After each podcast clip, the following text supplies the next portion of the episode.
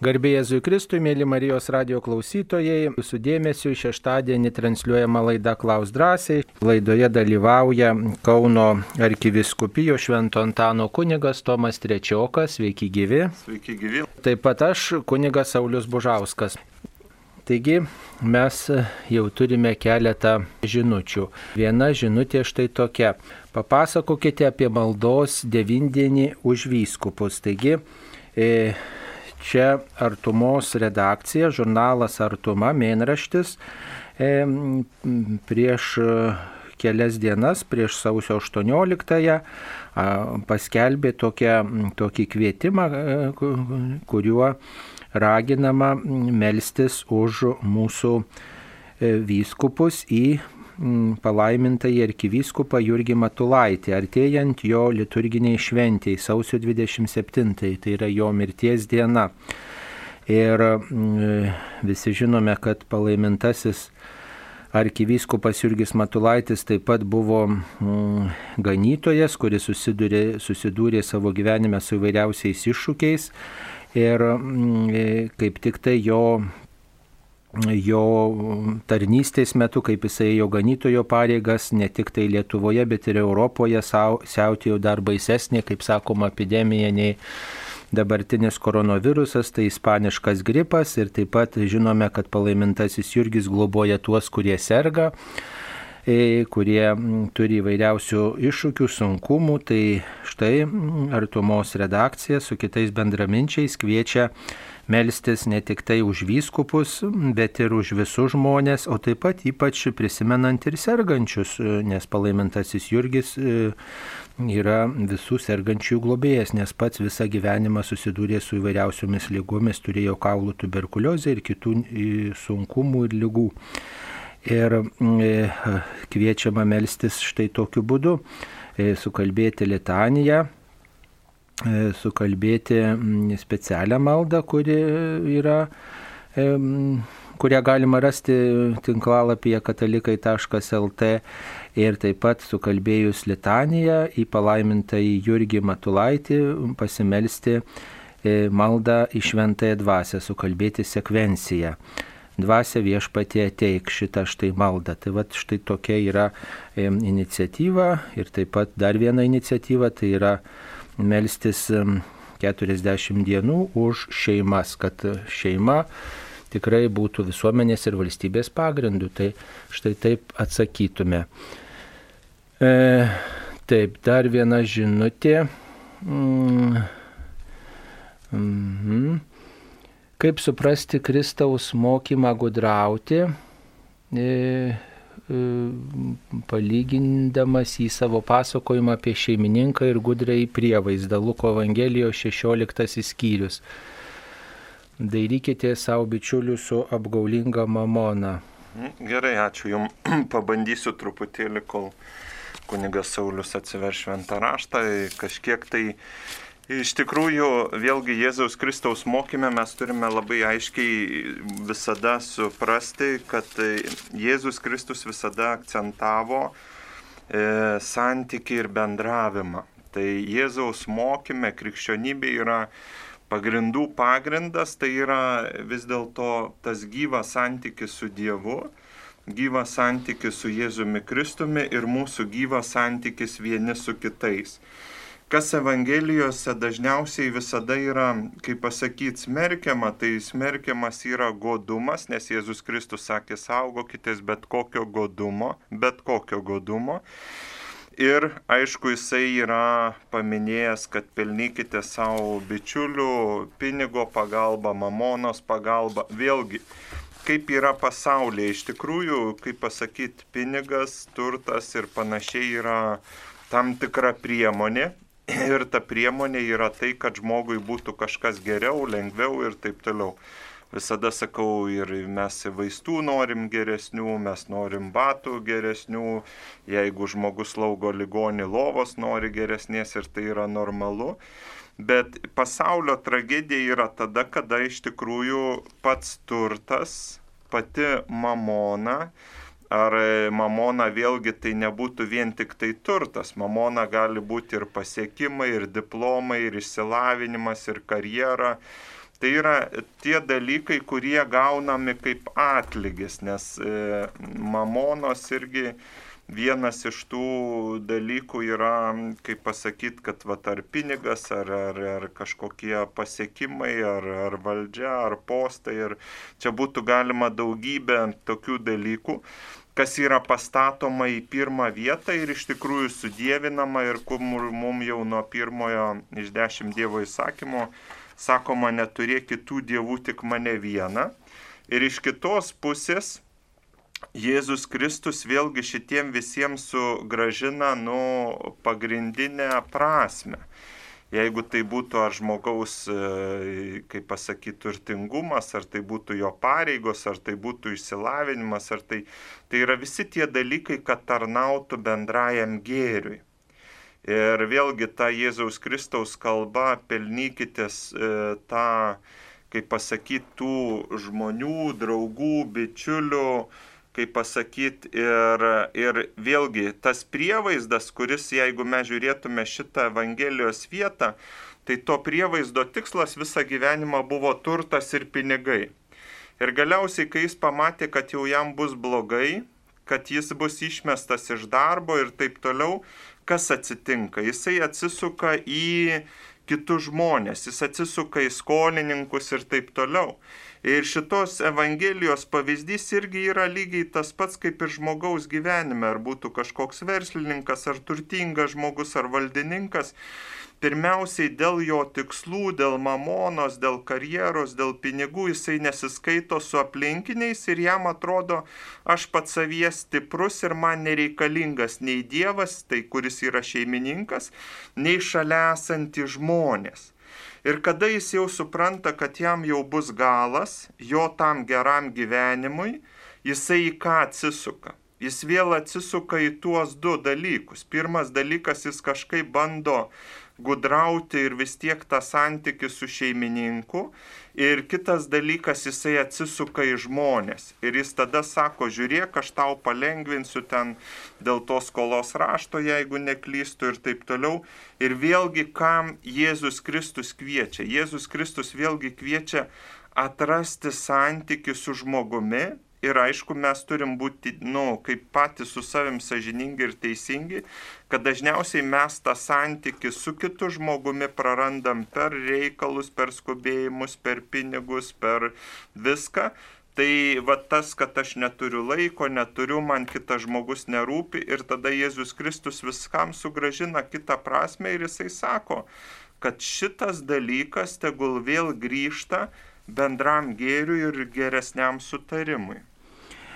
E, čia ištrauka yra iš Evangelijos pagal Luką 16 skyriaus nuo 1 iki 8 eilutės, kai šeimininkas štai pradėjo reikalauti apyskaitos iš savo tarno ir O tas tarnas e, nesažiningai elgėsi, užuot kažkaip atgailavęs, nes išvaistė šeimininko turtą, nurašė šeimininko skolą savo nuožiūrą, būdamas e, ukvedys. O šeimininkas užuot baręs pagyrė suktą į prievaizdą, kad jis gudriai pasielgęs. Tai kitaip sakant, nesupeikė todėl, kad e, šeimininkas tarnas ieškojo išeities, buvo gudrus. Į, ieškojo išeities ir, ir bandė parodyti tokį gailestingumą vis dėlto tiem žmonėms ir iš, iš esmės atspindėjo šeimininko nuostatą, nes ta šeimininkas yra viešpats, kuris pasigaili žmonių. Ir čia toks yra nu, paradoksalus dalykas, kad štai na, kartais mes reikalaujam teisingumo, štai pamirždami vis dėlto artimo meilę ir gailestingumą kaip po svarbiausia Dievo savybę, kurią taip pat turėtume spinduliuoti. O tas dairykitės mm, bičiulių su apgaulingaja mamona, kad galui atėjęs e, viešpats priimtų jūs jiems žinasias padangtės, tai reiškia, kad vis dėlto pinigai yra priemonė ir turi būti panaudoti geram dalykui, va, ne, niekuomet nebūti mm, tikslu, bet priemonė. Per, taip mums paskambino. Nijolė iš Klaipėdos. Taip, Nijolė, klauskite jūs eteryje. Garbėjai Kristus. Per amžius. Nuoti apie jūsų nuomonę apie Trivignano Roma, Romano miestelio Madonos apsireiškimus ir pranašystės. Ačiū. Paka, pakartokit, kokio miestelio. Čia Italijoje, Trevignano Rom, Rom, Rom, Romano, aš nežinau kaip čia kirčiuoti. Miestelio. Nu, dabar tikrai neatsakysime taip staigiai, nes e, tiesiog taip iš bendrojo įsilavinimo, tai nežinau, nebent kunigas, aš tai nesu girdėjęs e, apie e, tokio miestelio, taip sakant, pamaldumą. Tai e, gal galite tiksliai parašyti žinutę, jei galbūt kitoj laidoj pabandysime atsakyti į jūsų klausimą ir specialiai pasidomėti, kad taip ne, iš, iš bet, bet nesvarstytume čia neteisingai.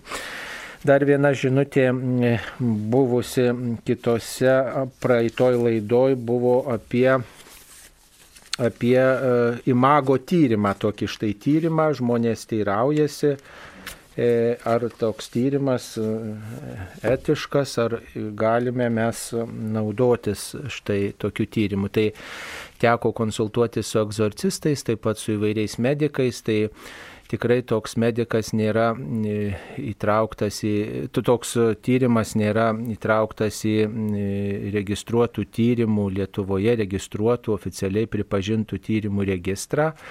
Žodžiu, tai nėra oficialioji medicina. Tai iš karto tai kelia tam tikrų tokių įtarimų, vat, kad tai tas, tas metodas, tie, tie tyrimai nėra mm, oficialiai pripažinti oficialios medicinos. Ir mm, taip mm, egzorcistai nepatarė tikrai į tokius nepripažintus oficialios medicinos tyrimus leistis, nes neaiški nei jų kilmė, neaiški nei, nei, nei koks jų tikslas. Tai iš dalies gali būti tam tikras e, galimas ir sukčiavimo būdas. Jūs tiesiog nu, vat, e, apgaus, išvilios iš jūsų pinigus, bet rezultatas tikrai nebus nei tikslus, nei, nei, nei kvalifikuotas, nei, nei specialistų, nei rimtų specialistų kažkaip e, apsvarstytas ir pateiktas. Taigi nei medikai, nei egzorcistai nerekomenduoja šito tyrimo daryti. Taip, per Marijos radiją girdėjau telšių viskupiją vadinant Žemaitijos viskupiją, ar tai jau oficialus toks viskupijos pavadinimas, o gal Vilkaviškio viskupija jau vadinasi Užnemunės viskupija. Ne, tai nėra oficialus pavadinimas, tai kaip ir buvo e, Telšių viskupija ir Vilkaviškio viskupija taip ir liko, bet kadangi ten e, Telšių viskupija apima labai didelę žemaitijos dalį, iš esmės didelė dalis jos yra žemaitijos dalis, tai mm, teisinga turbūt retkarčiais taip ir pavadinti, va, aišku, ten įeina į Klaipėdos kraštas e, į Telšių viskupijos sudėti. E, tai ten ne tik žemaičiai gyvena, gyvena ir, ir, ir, ir kitoms grupėms save priskirianti žmonės, tai, e, bet visą didumą pavadinti, tai manau retkarčiais ir skirtingose kontekstuose, manau, oficialiai tai nėra tai pavadinama, bet taip sakant, tokiam bendravimo bendravime tokiam, neformaliam bendravime, tai galbūt ir yra įvardyjama. O Vilkaviškio viskupija tai irgi įvairiai gali būti, yra įvairiai vadinama, tik neoficialiuose šaltiniuose. Taip, mums paskambino. Egidijus iš Kauno. Taip, Egidijau, klauskite per amžius. Norėjau paklausti šventą įraštą, tai iki tiesioginė prasme suprasti, ar perkeltinė, nežinau. Ne tikrai netiesioginė, tikrai netiesioginė. Jūs pasiklausykite penktadienį išleistos laidos, pokalbio, aktualijų laida e, su seserimi Benedikta Rolin iš Marijos dangų neimimo kongregacijos, kuri turi didžiulę patirtį m, lydėdama žmonės švento rašto skaitimo pratybose. Tai mes ir svarstėme, ko ne visą valandą, apie to švento rašto skaitimą. Taigi tikrai ne- nereikia skaityti pažodžių iš švento rašto, bet e, suvokti dvasinę prasme, skaityti švento rašto ir kitų knygų kontekste ir, ir visada plačiau skaityti, ne tik tai ieškant tiesioginės prasmės, bet ir kaip tai kreipia į Kristų ir kaip aš galėčiau atsiliepti į tuos žodžius e, bažnyčios kontekste, kaip, kaip tai supranta bažnyčia, kaip tai aiškina, ne tik tai kaip mano protelis tiesiogiai supranta, vis tiek reikia ir melstis ir ir mm, išvelgti ir alegorinę prasme, ir dvasinę prasme, ir, ir tokią bendruomeninę e, žinę tenai, kuri bendruomenė yra skiriama ir, ir į to švento rašto parašymo aplinkybės ir, ir, ir vis dėlto kokią, kokią prasme, gilesnę prasme aš ten matau, nebent kunigė jūs ką pridėsite. Taip, taip, kunigė Sauliau, ir iš tikrųjų labai svarbu net tokie dalykai, kurie su maldoje, kitur galima prašyti, kad Dievas leistų suprasti, bet tuo pačiu mums reikia visada tam tikrų žmonių pagalbos, nes vėlgi 2000-4000 metų kultūrai, kurios ir kalbėsena ir išraiškos ir terminologija iš tikrųjų gali būti nesuprantama arba mūsų, mūsų labai kontekstu kaip pasakyti, šitą mm, atrodyti vienaip, o iš tikrųjų tam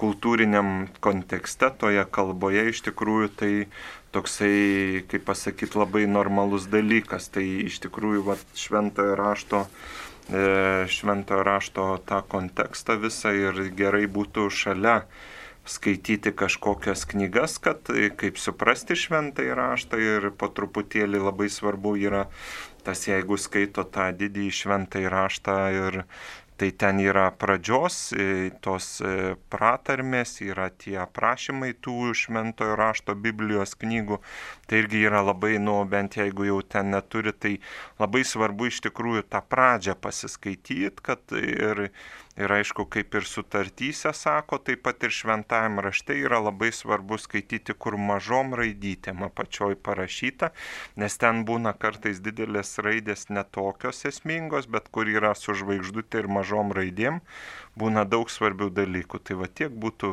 skaitant šventai raštą ir aišku, svarbu prieš tai malda. Taip, mes mums paskambino. Rūta iš Šiaulių. Taip, Rūta, klauskite jūs eteryje. Gerbė Jėzui Kristui. Per amžius. Norėjau sužinoti, ar Jahve ir Jehova tas pats. Taip, ačiū. Jahve yra iš tikrųjų kreipinys, e, kuris, e, ta prasme, yra jehvistiniai tradicijai, kuris pirmiausia išreiškia, jis yra esantysis Ir tai, kaip pasakyti, priskiriama Dievo vardui, kaip Mozė kreipiasi, kaip nu, pavadinti, žinot, kad tu esi, nes vardas visada, kaip pasakyti, Senajam testamentui ir ypatingai krikščionių kultūrai reiškia tam tikrą prasme ir tam tikrą reikšmę ir ypatingai vardas yra nu, tam tikro veikimo dalykas, ta prasme, pas mumis yra netark Dievo vardo be reikalo, tai irgi nereiškia vien tik tai žodis, bet tai ir priesaika, ir veiksmai ir taip toliau.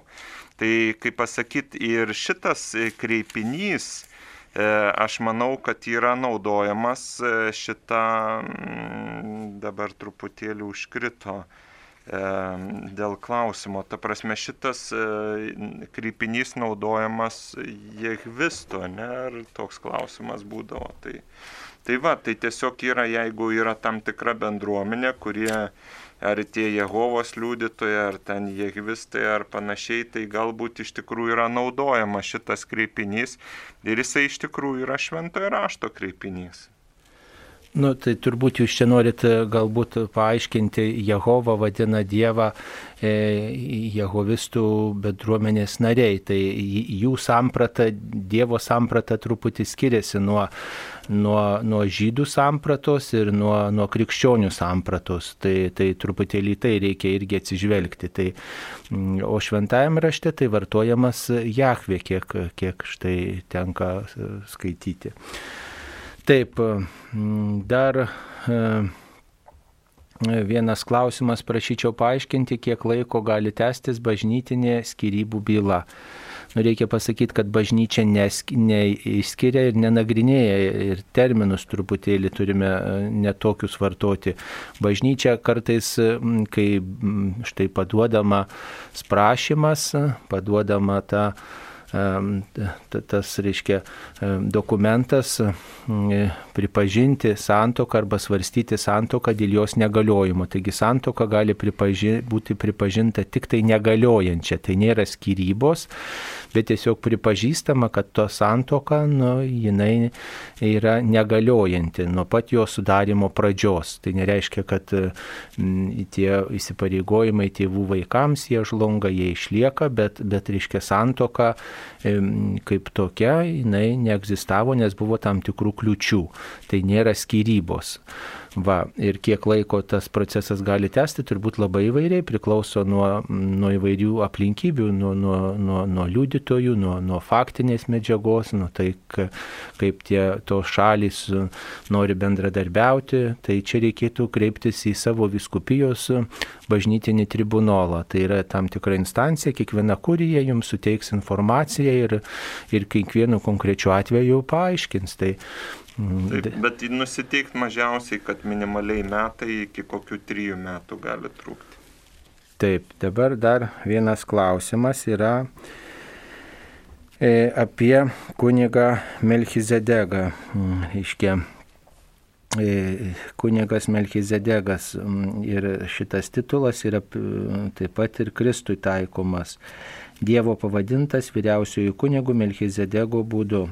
Taigi klausia, kas yra tas Melchizedegas. Tai yra kunigas, apie kurį šventas raštas labai nedaug kalba, laiškė žydams daug apie tai kalbama, tačiau pirmiausia jisai šventam rašte minimas pradžios knygoje, tai yra e, Abraomas. E, davė auką kunigui Melchizedegui, kad būtų aukojama e, duona ir vynas. Tai yra tokie ženklai, e, kurie primena reiškia šventasias mišes tokia užuomina, nežinoma nei, nei iš kur yra kilęs tas Melkizedegas, nei, nei, nei kokia jo tolesnė gyvenimo istorija. Ir kaip Kristus štai ateina Dievas, e, nors žmogystę gauna iš mergelės Marijos, tačiau ta dievystė na, mums nepriepiamų, nesuvokiamų būdų štai ateina į šį pasaulį ir be to e, ta, tas būdas, kuris, e, reiškia, apibūdinamas vyriausiasis kunigas Melchizedego būdu, tai reiškia, kad jo auka tęsiasi per visus amžius, taip kaip Arono auka, jinai e, tiesiog nebuvo aukojama nuolat Mozės sandoros aukos pasibaigė su Kristumi, su Kristaus gyvenimu, nes Kristus įsteigė naują auką, pats save paukojo. Mm, tai štai ta auka, Kristaus auka tęsiasi per amžius, kas kart sudabartinama yra, o, o, o, o, o Arono auka su senaja sandora baigėsi. Taip kaip Kristus tą senąją sandorą išpildė, E, ir, ir tiesiog ta auka tęsiasi per, per visus amžius. Tai štai Kristus kaip kunigas yra gretinamas su Melkizedegu, e, iš, kurį, apie kurį skaitome pradžios knygoje. Tai tiek trumpai atsakytume. Taip, mums paskambino. Su trimis klausimais Marija iš Kauno. Taip, prašau. Gerbėjai Zukristų. Per amžius noriu, kad paaiškintumėt, kodėl ne visos krikščioniškos tautos švenčia kučias. Ir toliau e, turiu pažįstamą, kuri gyvena Romoje jau keli metai ir vakarienę italai valgo visai be pasniko. Ir dar trečias, kodėl kunigai nereikalauja, kad jiem leistų sukurti šeimą. Ar nėra jų pažeminimas, juk yra vis, vis, visi žmonės. Taip, gerai. Jums už klausimus, tai kodėl ne visos e, e, krikščioniškos e, šalis švenčia kučias? Na, matot, kučios yra e, iš esmės turi tokias ir pagoniškas šaknis ir vis dėlto tai yra mūsų šalyje, mūsų kraštuose tam tikra e, inkultūruota tradicija. Reiškia, tas paprotys valgyti tokius vat valgius yra pagoniškas iš esmės atėjęs iš pagoniškų laikų, tačiau atėjus krikščionybė, štai tas, kas toj, to, tam krašte buvo tos kultūros, tie papročiai, tiesiog kai ką perėmė ir, ir tiesiog suteikė tam tikras tokias gilesnės na, prasmes išvelgia ir e, mes tikrai naudojamės ir, ir kitų o, vat, kraštų ir kitų religijų tam tikrai ženklais e, naudojamės, e, bet suteikiam truputį kitas prasmes e, tam. Tai tikrai tas senas, labai senoviškas, arhainis paprotys sukrikščionintas ir jis išreiškia ir krikščionišką mintį. Tai tą seną protėvių paprotį mes pritaikim krikščionybė šitam krašte.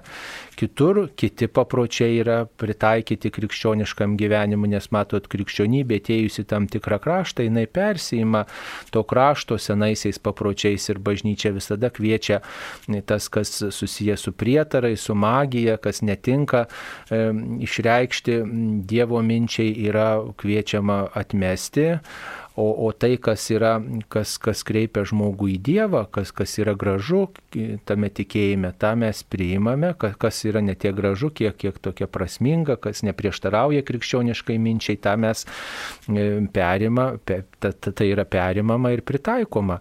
Mm, taip labai trumpai galėtume atsakyti. Tai e, e, pas, kodėl nepasninkauja? Na tai dėl to, kad mūsų kraštuose tas, tas pasninkas tą vakarą būdavo labai, labai svarbus valgyti e, augalinį maistą, valgyti tik tai, kas auga ant žemės, valgyti tik tai, kas, kas duoda didelį derlių. Va, tai, tai šitam krašte taip buvo ir, ir, ir štai tas pasninkas kaip, kaip tam tikra m, tokia forma forma laukti viešpaties užgimimo, e, juk pasninkas e, taikomas ir kito, prieš kitas šventės, pavyzdžiui, stačiatikiai prieš visas mergelės Marijos šventės pasninkauja ir, ir, ir tiesiog, na ir, ir šį vakarą, kučių vakarą tinka pasninkauti, susilaikyti nuo persivalgymo, kas, kas turbūt irgi netinkamai yra mūsų kraštuose nes, nu, kaip sakyti, nepritaikoma. Dažniausiai kučių vakarą persivalgo visi tų pasninkiškų valgių iš tokio per didelio uolumo, truputėlį yra nukrypimų, reiškia, į tą tokį pasninkiško stalo labai tokį didelį paruošimą, bet e, prasme yra laukti viešpaties gimimo ir, ir su šeimos nariais dalintis tomis gerybėmis ir, ir tokį išgyventi ilgesi Dievo ateimo, e, tokį ilgesi. Tai kiti kraštai kitaip tą išgyvena. Tiesiog matyt nebuvo tokių prieš krikščioniškų papročių kaip, kaip mūsų kraštuose ir tiesiog ant kitokio pamato pastatyta e, krikščioniškas kelias.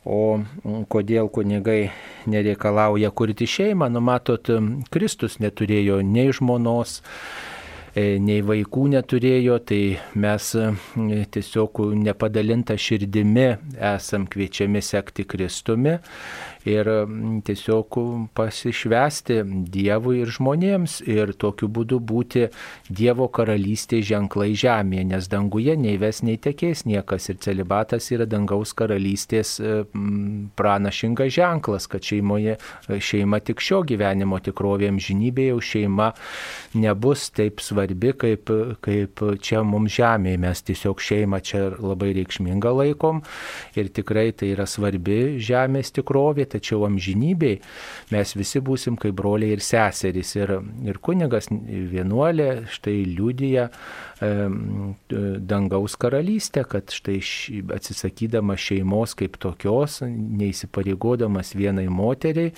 jis priklauso, tarnauja visiems ir tokiu būdu liūdija Dievą ir jo karalystę. O šiaip ir kitose krikščioniškose tik kitose krikščioniškose religijose, pavyzdžiui, ir stačiatikiai turi celibatą. Ne visi, e, reiškia, yra vedę kunigai, yra e, kunigai vienuoliai ir tas nuo pat pirmųjų amžių egzistavo bažnyčioje. Ir yra daugybė darbų, daugybė knygų parašyta e, apie tai, kad tai siekia taip Kristaus laiku šitą tradiciją nekurti šeimos tam, kuris štai Kristui ir žmonėms tarnauja, kuris yra kunigas. Ir tikrai matom, jeigu yra šeima, yra komplikuota žmogui iš vieno krašto į kitą keltis, yra komplikuota, jis yra ir pažeidžiamas, štai kažkas gali na, grasinti vaikams ir panašiai, kaip dabar vad girdim, ir tos to šeimos yra tiesiog na, draskomos, o kunigas tuo požiūriu yra laisvas, jis tiesiog gali bet kada E, bet kur keliauti ir ten, kur yra kviečiamas, kur yra šaukiamas. Tai, mm, o čia nėra joks pažeminimas, tai yra laisva, niekas prievarta nesako, tu privalai laikytis, jeigu nenori, štai nebūk kunigų ir, ir šitą ir eik kurk šeimą, gyvenk krikščioniškai, įsipareigok bažnyčioje įvairioms tarnystėms kitose srityse. Tai, tai nėra mm, jau tau privaloma, ne? Teisingai atsakiau, kunigė. Pridėkit ką nors.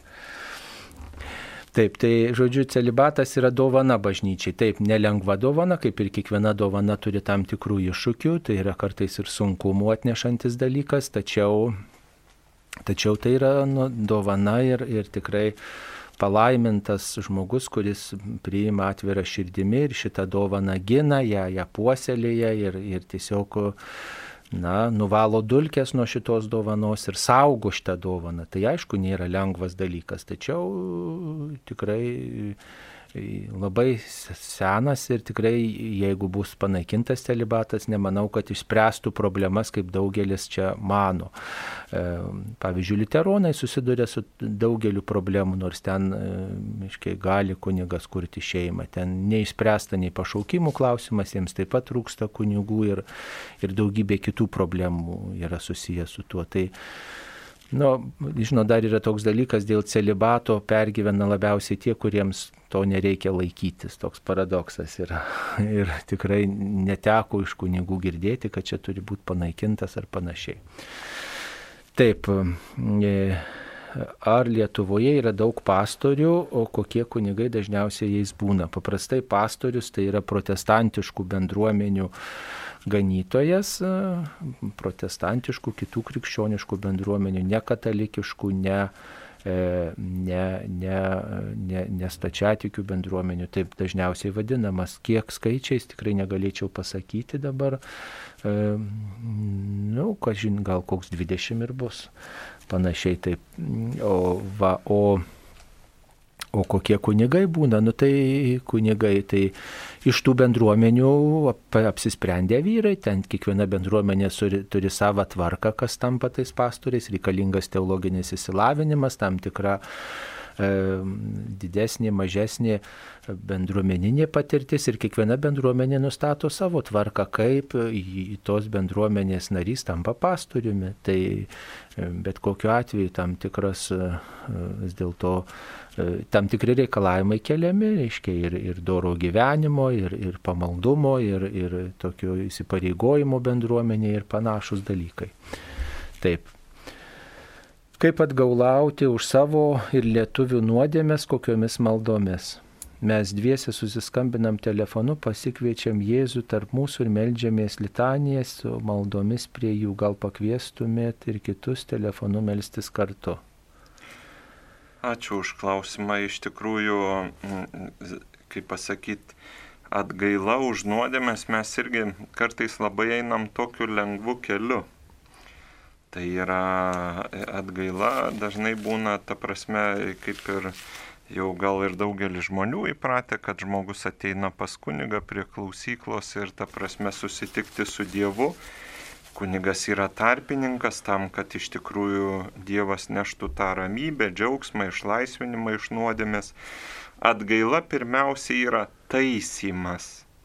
Tai va šitą irgi labai svarbu, kad žmogus, pavyzdžiui, kažką tai ar apkalbėjęs, ar pavogęs, ar kažkokius dalykus padaręs, ta prasme, ar, ar, ar, ar nu, padarė sunkesnių, lengvesnių nuodėmių.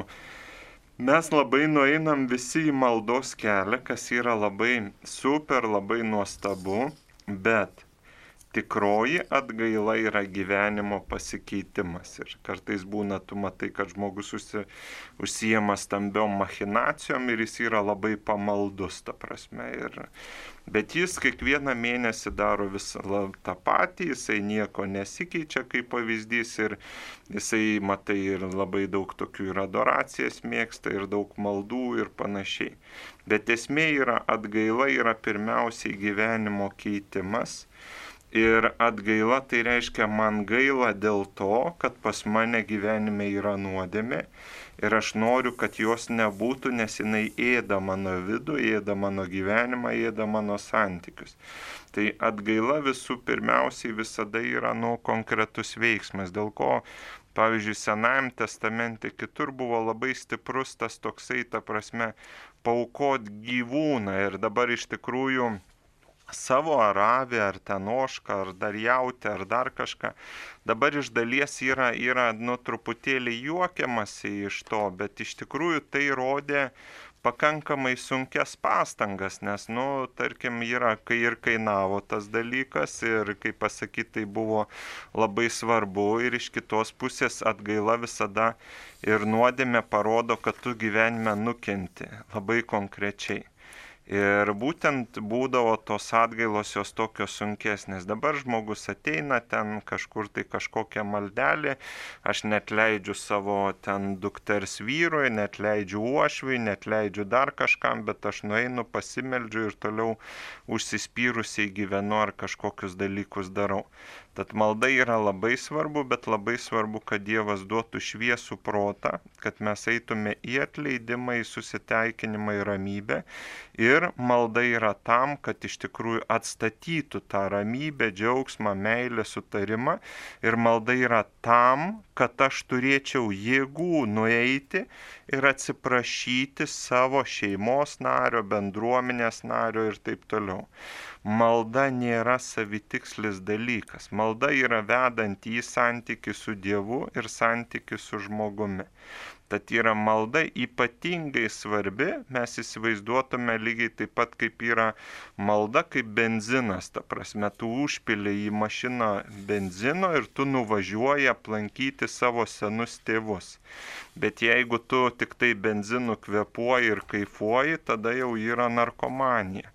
Tai irgi lygiai tas pats maldos tikslas yra įkvėpti, duoti jėgų daryti gerus darbus, turėti gerą santyki su Dievu, gerą santyki pažinti tiesą savyje ir aišku atrasti tą gerą gyvenimą su kitais. Ir tų klaidų vengimas, o kviesti maldai tai yra labai svarbu Ir iš tikrųjų tie susitarimai, tas pastovumas, jis yra labai sveikintinas ir jisai yra ypatingai, ypatingai svarbu. Bet kas liečia atgailą, tai yra ir malda, ir veiksmas. Nu, kokiomis maldomis jūs norite, tai tokios, kokios jums yra geriausiai patinka, kokios jums labiausiai atveria jūsų širdį. Aišku, geriausiai bažnyčios aprobuotomis maldomis melstis, o privačiai tai galima melstis ir savai žodžiais. Taip, mums paskambino. Paskambino Janina iš Jonavos. Taip, Janina iš Jonavos, klauskite. Tai norėčiau paklausti, jeigu galima, tai kodėl iš, iš švenčiausios mergelės Marijos litanijos dingo karalienės šiluvos. Kodėl negalim mes ją paminėti? E, kodėl dingo toks kreipinys? Na, e, dingo todėl tikriausiai, kad e, taip sutariama, kad reikėtų melstis vis dėlto, kaip čia, aprobuotais kreipiniais, kur bažnyčios vyriausybė yra aprobavusi. Tikriausiai čia kunigas, e, kuris e, melzdavosi, ar žmonės, kurie štai pridėdavo tokius kreipinius, na, e, jie savo nuožiūrą pridėdavo. Ir čia yra na, to krašto, tos, to šventovės pamaldumas, o, o, o štai kitose vietose dar kitokie galbūt pridedami, bet jie tokie daugiau liaudės pamaldumas, pamaldumo tradicijoje yra, o ne, o ne oficialiai aprobuoti, o neoficialiai patvirtinti nėra. Tai mm, pavyzdžiui, kaip ir daug tokių diskusijų yra dėl to, ar karalienė Lietuvos galime kreiptis. Lietuva e, karalystė nebuvo, kunigaikštystė buvo, tai vienas iš argumentų, kad tai nėra įsitvirtinę. Pavyzdžiui, Lenkijos karalienė, tai melžiamasi taip, nes Lenkija buvo karalystė, tai čia va, iš tų laikų. Bet E, jeigu mes tiesiog savo privačiam pamaldome melžiamės, tai kaip mums tinkama, tai pridedam, bet prisiminkim, kad vis dėlto oficialiai melžiantis, viešai melžiantis, e, taip gal reikėtų tiksliau sakyti, tai mes naudojame, vartojame tas maldas, kurios yra oficialiai patvirtintos. Taip ir aišku, visada maldoje, kai esam visuotiniai maldoj, mes naudojam tuos daugiau bendrinius, universaliuosius kreipinius ir aišku, jeigu mergelė Lietuvos, mergelė Europos, mergelė pasaulio ar karalienė, tai irgi tam tikra dvasinė išaiška, kuri nėra bloga, bet įsivaizduokime, jeigu mes melstumės tėvę mūsų maldą ir sakyčiau, tėvę Tomo, supranti, ar tėvę Sauliaus, tėvę dar kažkur. Ir ta prasme, tai nebūtų kažkoks blogis, bet kiti sakys, aš nenoriu Tomo Dievui melstis ar Sauliaus Dievui. Tai va čia irgi yra, kaip pasakytas, toksai mūsų brolių seserų sutarimas tame, kad bendriniais dalykais, o mes po to jau tą asmeninį, kaip krašto, kaip šalies, kaip asmeninį santykį išgyvenam kiekvienas. Taip, kodėl mūsų kunigai nepatarė šeimoms melstis į Dievą, o tik skaityti šventą įraštą, įdomu, kas geriau. Nu tai vienas kitam neprieštarauja melstis į Dievą ir skaityti šventą raštą.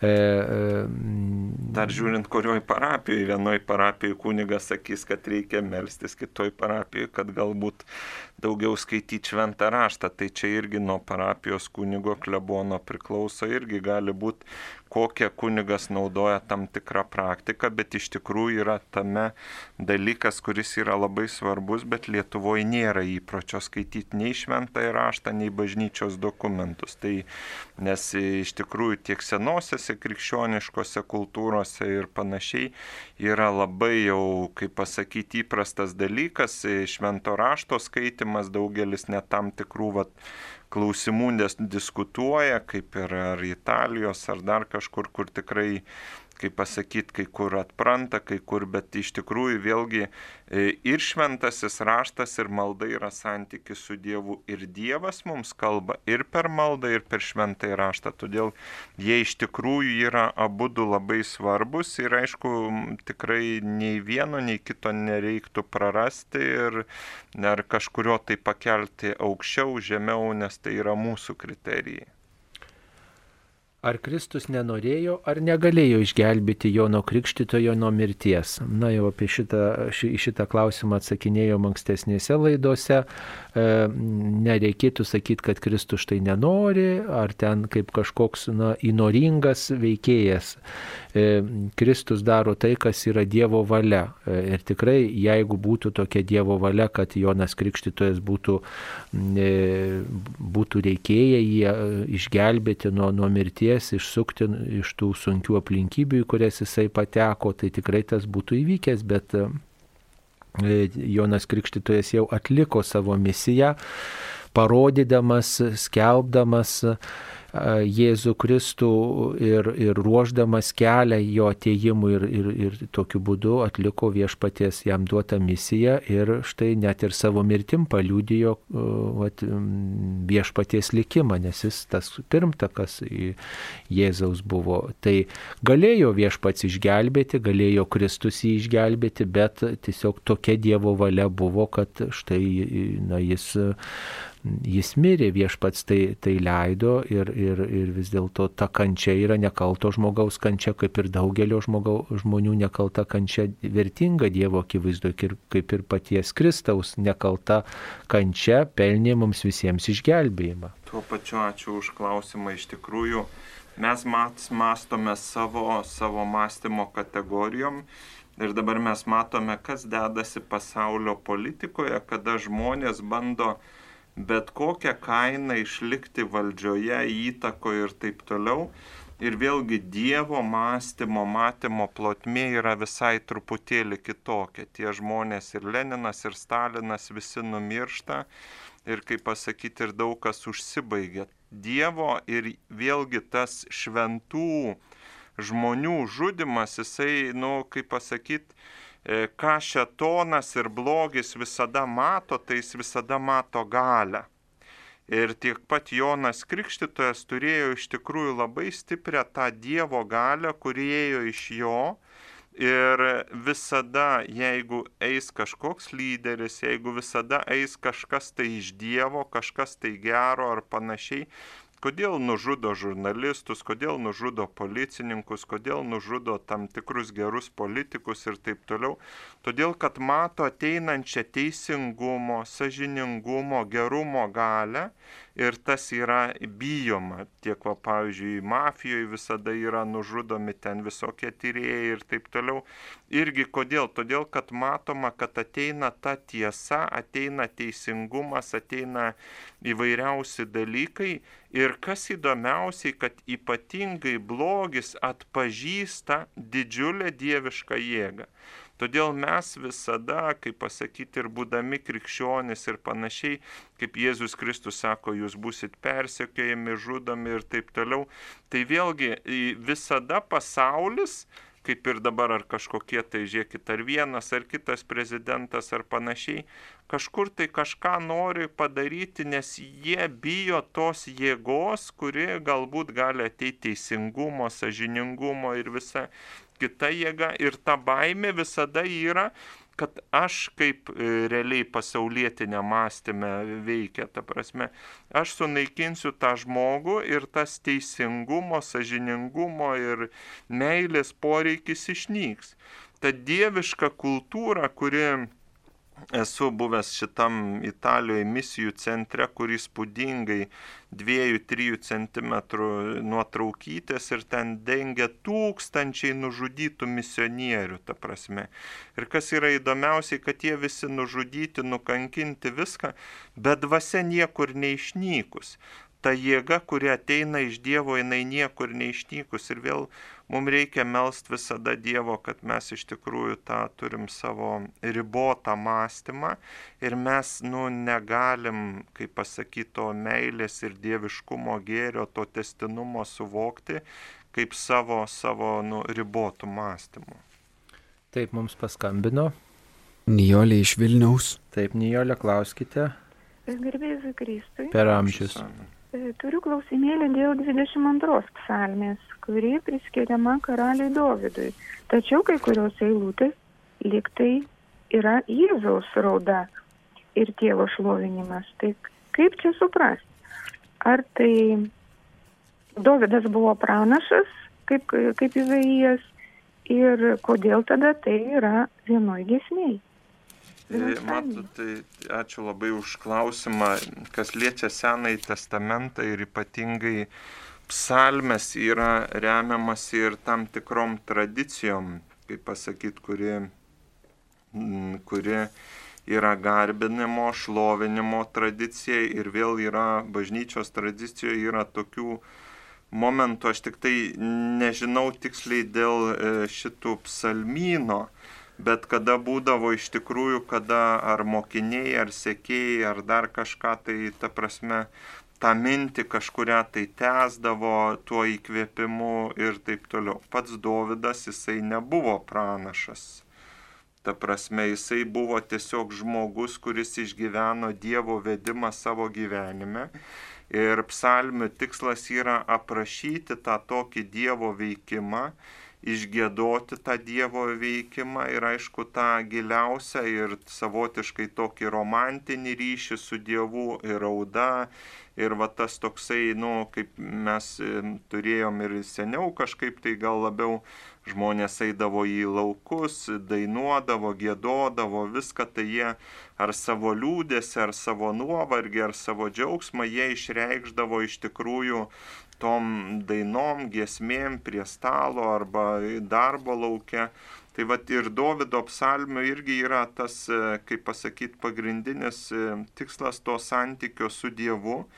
kiek ten iš tikrųjų pats Dovydas, kiek yra tam tikra tradicija, kuri tai yra, nu, kaip pasakyti, sudėtinga. Tik tai tiek, kad šventasis raštas kaip integralus yra visas ir visada mes tiek naujajam testamente, tiek senajam testamente, tiek psalminė visur yra parodoma, kad veikia tas pats Dievas. Ir ne veltui ir Jėzus Kristus cituoja ir Senąjį testamentą ir panašiai, kad vėlgi yra norima visur parodyti, kad tas pats Dievas, kuris veikia Abraomo, Mozės, Dovido ir visų kitų gyvenimuose, tas pats Dievas ir veikia toliau, tik tai aišku, vat, kiekvieną kartą tam tikra išraiška ir yra čia jau nu, kiti dalykai, gal kunigas Saulis ir aišku, čia jau švento rašto specialistai daugiau galėtų mato, Davido autoritetų yra priskiriamos psalmės, bet e, nėra jokių duomenų, kad visas psalmės jis būtų sukūręs. Tas,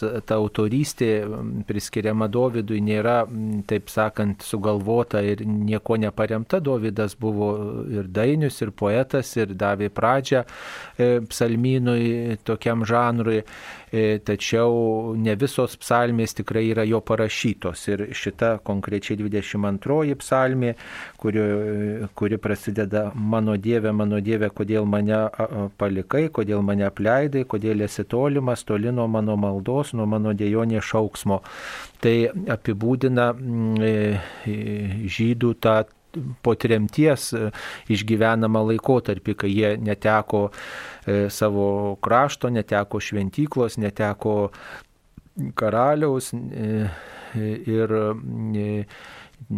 tiesiog negalėjo gyventi toj pažadėtoj žemėje, buvo išvaryti iš savo krašto ir tokį išgyveno apleistumą. Ir kartu šita psalmė, na, vat, labai tinka Kristaus kančios išgyvenimams. Tai tie, kurie kūrė tą psalmę, tam tikrą prasme pranašavo tai, ką išgyvens ir Kristus.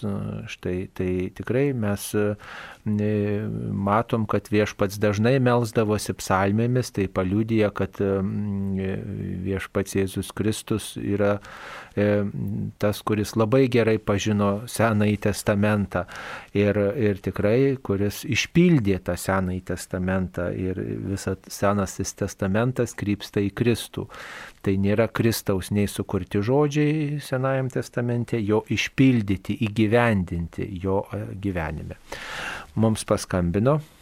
Antanas iš Kelmės. Taip, Antanai, klauskite. Antanas iš Kelmės. Aš norėjau sužinoti, ar Jėzus turėjo fizinę baimę.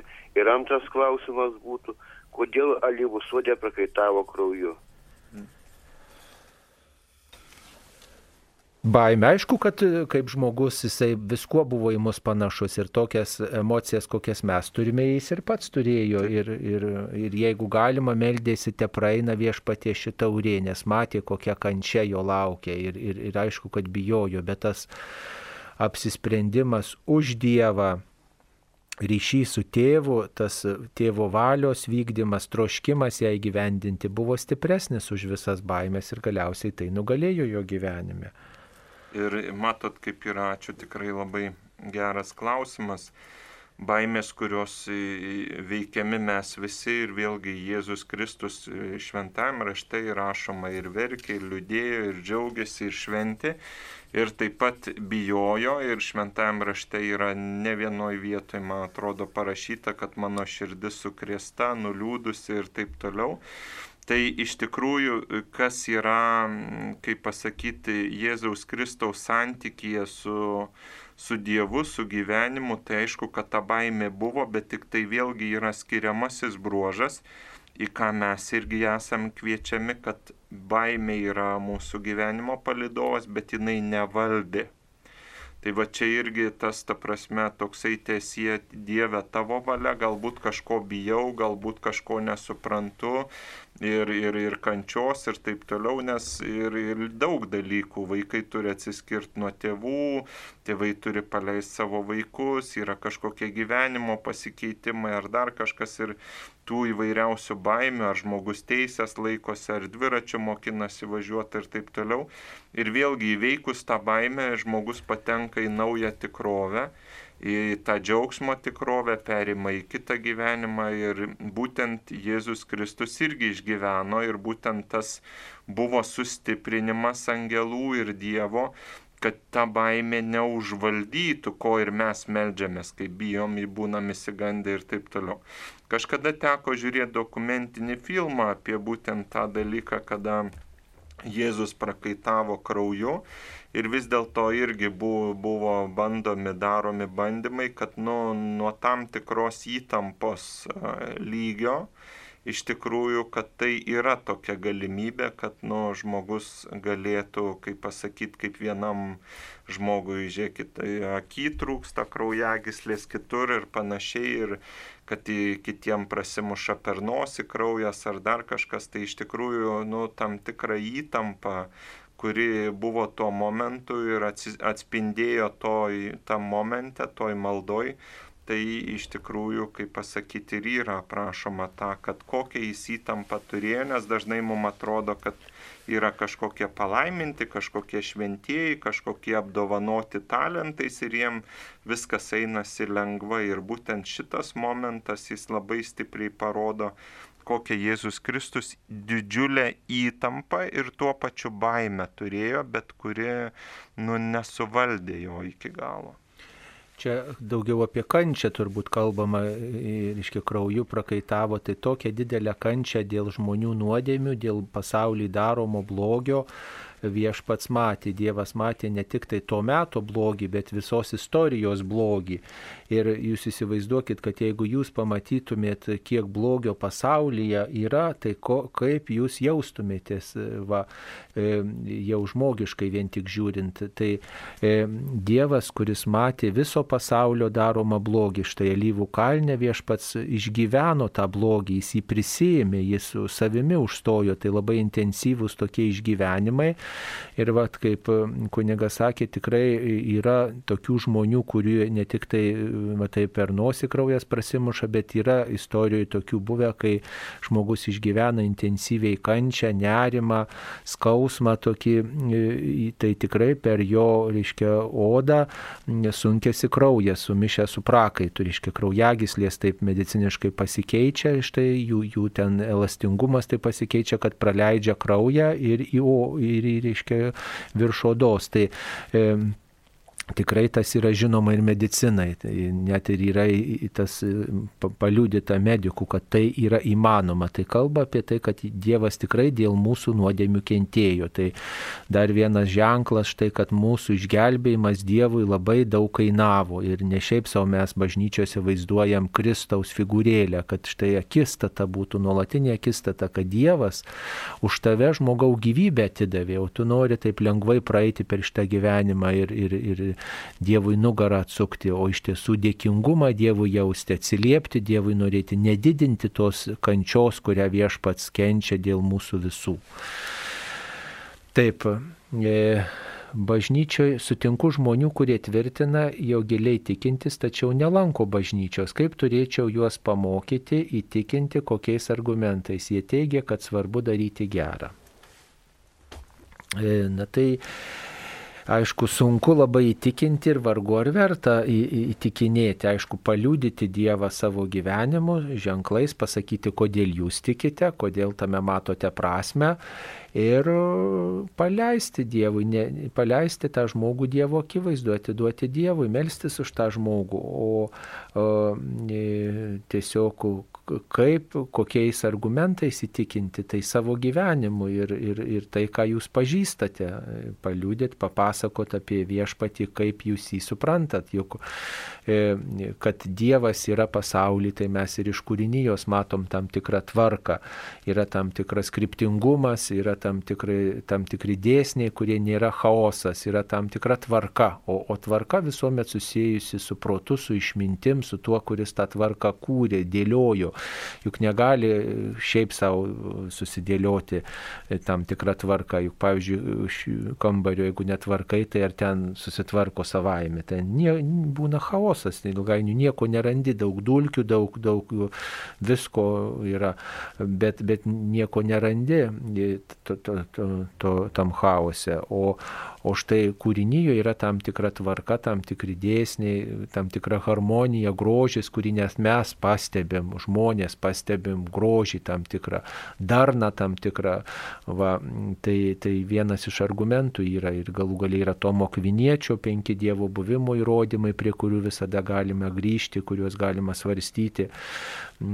O, o Kristus tai yra pasiaukojantis asmuo už mus, gyvybę atiduodantis žmogus. Ir jūs papasakojat istoriją ir, ir aišku, daugybę argumentų sulaukėt prieš, bet, žinot, jūs papasakojat ir nebūtinai visus argumentus atsakyti ir, ir sakyti, aš Dievą patyriau. Jeigu jūs turite Dievo artumo patirtį, galite apie tai kažkaip užsiminti, bet nenusiminkit, kad jūs ir neįtikinat, kad jūsų argumentai ir nepaliečia žmogaus širdies.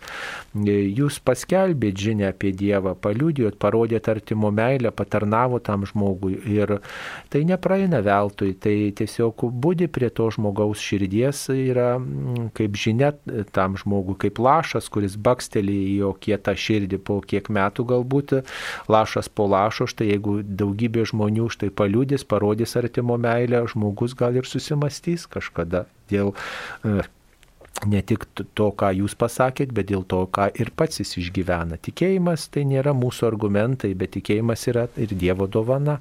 Ir aišku, tuo pačiu mes esame kviečiami į augimą.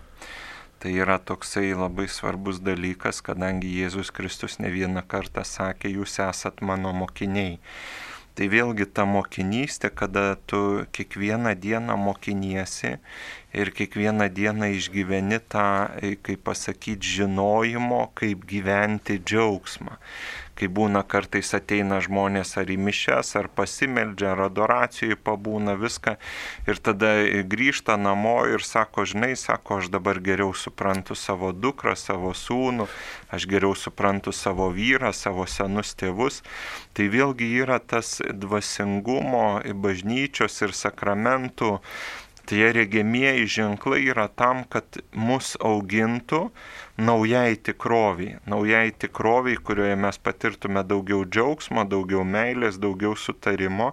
Ir mes visada, žmogus gali ir darbe atėjęs, jisai gali ateiti į darbą, išmokti vieną operaciją ir jisai visą, visą gyvenimą pasilieka žinodamas tą vieną operaciją, o praeina kiek metų, žmogus kažko mokinosi, išmoksta daugiau ir visi kolegos džiaugiasi, sako, žiūrėk, jis ir čia žino, ir čia žino, ir kaip kaip yra gera, kad jis taip tuos dalykus žino ir, ir galima pasitikėti. Ir lygiai tas pats ir dvasiniai kelioniai. Mes labai dažnai pastringam ties buvimu, bet labai svarbus yra augimas. Ir augimas mums reikalingas iš tikrųjų kiekvieną dieną, kiekvieną savaitę. Ir bažnyčia, ir Dievas veda į tą augimą ir dažniausiai augimas vyksta per santyki. Ir mes tą santyki išgyvenam per sakramentus ir per šventasias mišes, tą Dievo buvimą. Čia dabar padarysime pertrauką ir pasiklausysime trumpųjų Vatikano radio žinių.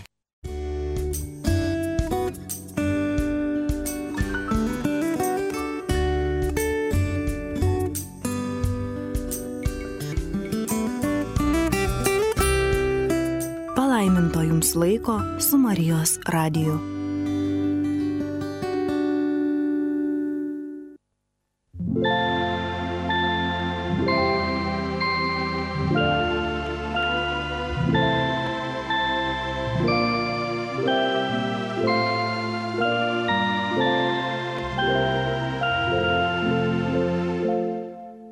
Vatikano radio žinios trumpai.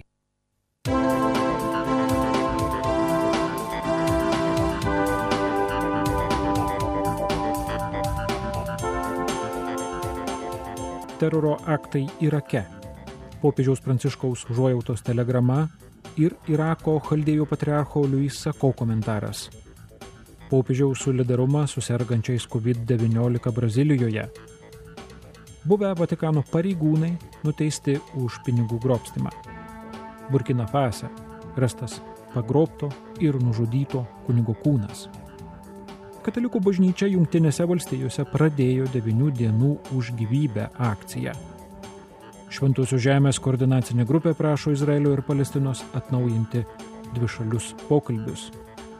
Dievo žodžių ir ekumeninis Biblijos sekmadienis Vokietijoje.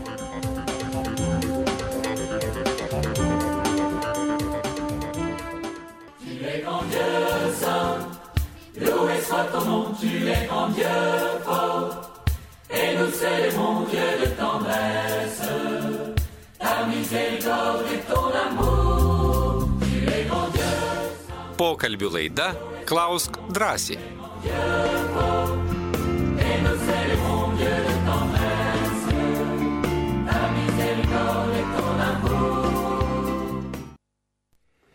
Tęsėme laidą Klaus drąsiai, prie mikrofono Švento Antano bažnyčios klebonas kunigas Tomas Trečiokas ir aš kunigas Saulis Bužauskas.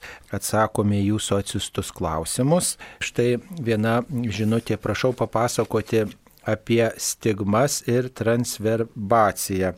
Stigmos tai yra mm, žaizdos, kurios gaunamos e, kaip tam tikra speciali malonė e, tose vietose, kurias turėjo Kristus. Tai yra keli žinomi šventieji, pavyzdžiui, šventasis Pijus iš Pietrelčinos, kuris turėjo stigmas, taip pat šventasis Pranciškus ir dar kelios moterys. Tai yra žaizdos nešiojamos rankose, kojose ir taip pat ant krūtinės kurios negyja, nuolat kraujuoja, bet žmogus nenukraujuoja. Tai na, tokia mistinė patirtis, paliūdijanti, kad tas žmogus ypatingai vienijasi su kenčiančiu Kristumi ir tas žaizdas dažniausiai išgyvena tokioje atgailos nuotaikoje. O kitas terminas - transverberacija, tai yra pervėrimas lotiniškas žodis ir dažniausiai šita patirtis yra siejama su šventaja Terese Vilietė karmelite, kuri gyveno 16 amžiuje, mirė berots 1582 metais spalio 4 dieną, spalio 4 ji yra ir minima. Tai yra tokia patirtis, mistinė patirtis, kurios metu šventoji Teresė Vilietė patyrė tokia, šir, tokį širdies perverimą. Angelas, pasak jos pasakojimų, ugninė strėlė perverė jos širdį. O Jėzus tame tokiame regėjime padavė jai taurę ir, ir pasakė tokius žodžius, kad toliau kaip sužadėtinė rūpinsies mano garbe ir ji davė Dievui tokį įžadą rūpintis tai, kas atrodys tobuliau. E, nu, išgyveno didelį skausmą širdyje, tokį deginimą ir mm, tiesiog na, suprato, kad ką išgyvena sielos, kurios yra skaistykloje, tokį skausmą, tokį ilgesį Dievo. Ir mm, stengiasi visą gyvenimą mm, tais skausmais, visokiais nepatogumais daryti gerą skaistykloje esančioms sieloms, už jas aukojosi ir bažnyčiai, kuri e, išgyveno įvairiausius sunkumus.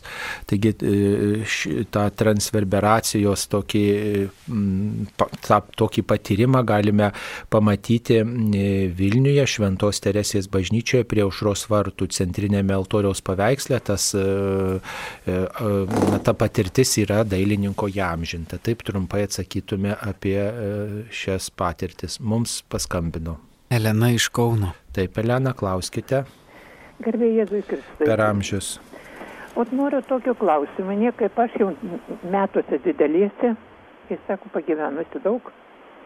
Ir o, kada dabar yra gailestingumo vainikėlis, ir visada prieš jį, visada sako, gailestingumo vainikėlį kalbėti tik tai, kada jis prieš įstatyto švenčiausio arba tabernakulį. Tai reiškia, aš namuose negaliu kalbėti, tai štai bent suprantu. Galit, galit, bet atlaidai suteikiami, visuotiniai atlaidai suteikiami tam, kuris meldžiasi bažnyčioje, koplyčioje, visuotiniai atlaidai suteikiami štai tam žmogui, kuris meldžiasi meldžiasi vat, būtent prie išstatyto švenčiausio sakramento arba tabernakulėje saugomo. Jeigu per Marijos radiją štai transliuojamas e, gailestingumo vainikėlis, transliuojamas iš gailestingumo šventovės, kur kaip tik tai prie išstatyto švenčiausio sakramento meldžiamasi.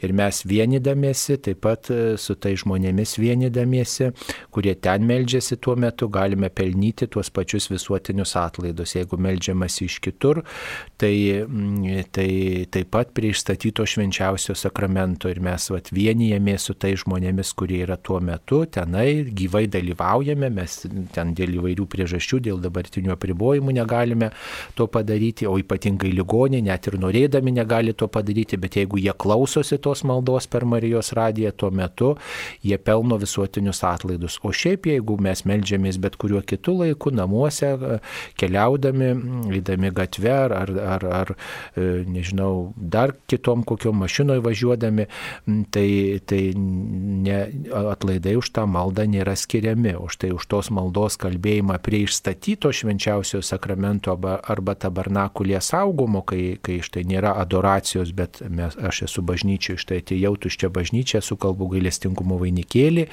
jį skiriu už save arba už mirusius ir pridedu maldą popiežiaus intenciją. Tėve mūsų sveika Marija, maldas už tai, dėl ko meldžiasi popiežius šį mėnesį. Pavyzdžiui, šio mėnesio intencija yra, kad visi krikščionys broliškai sutartų.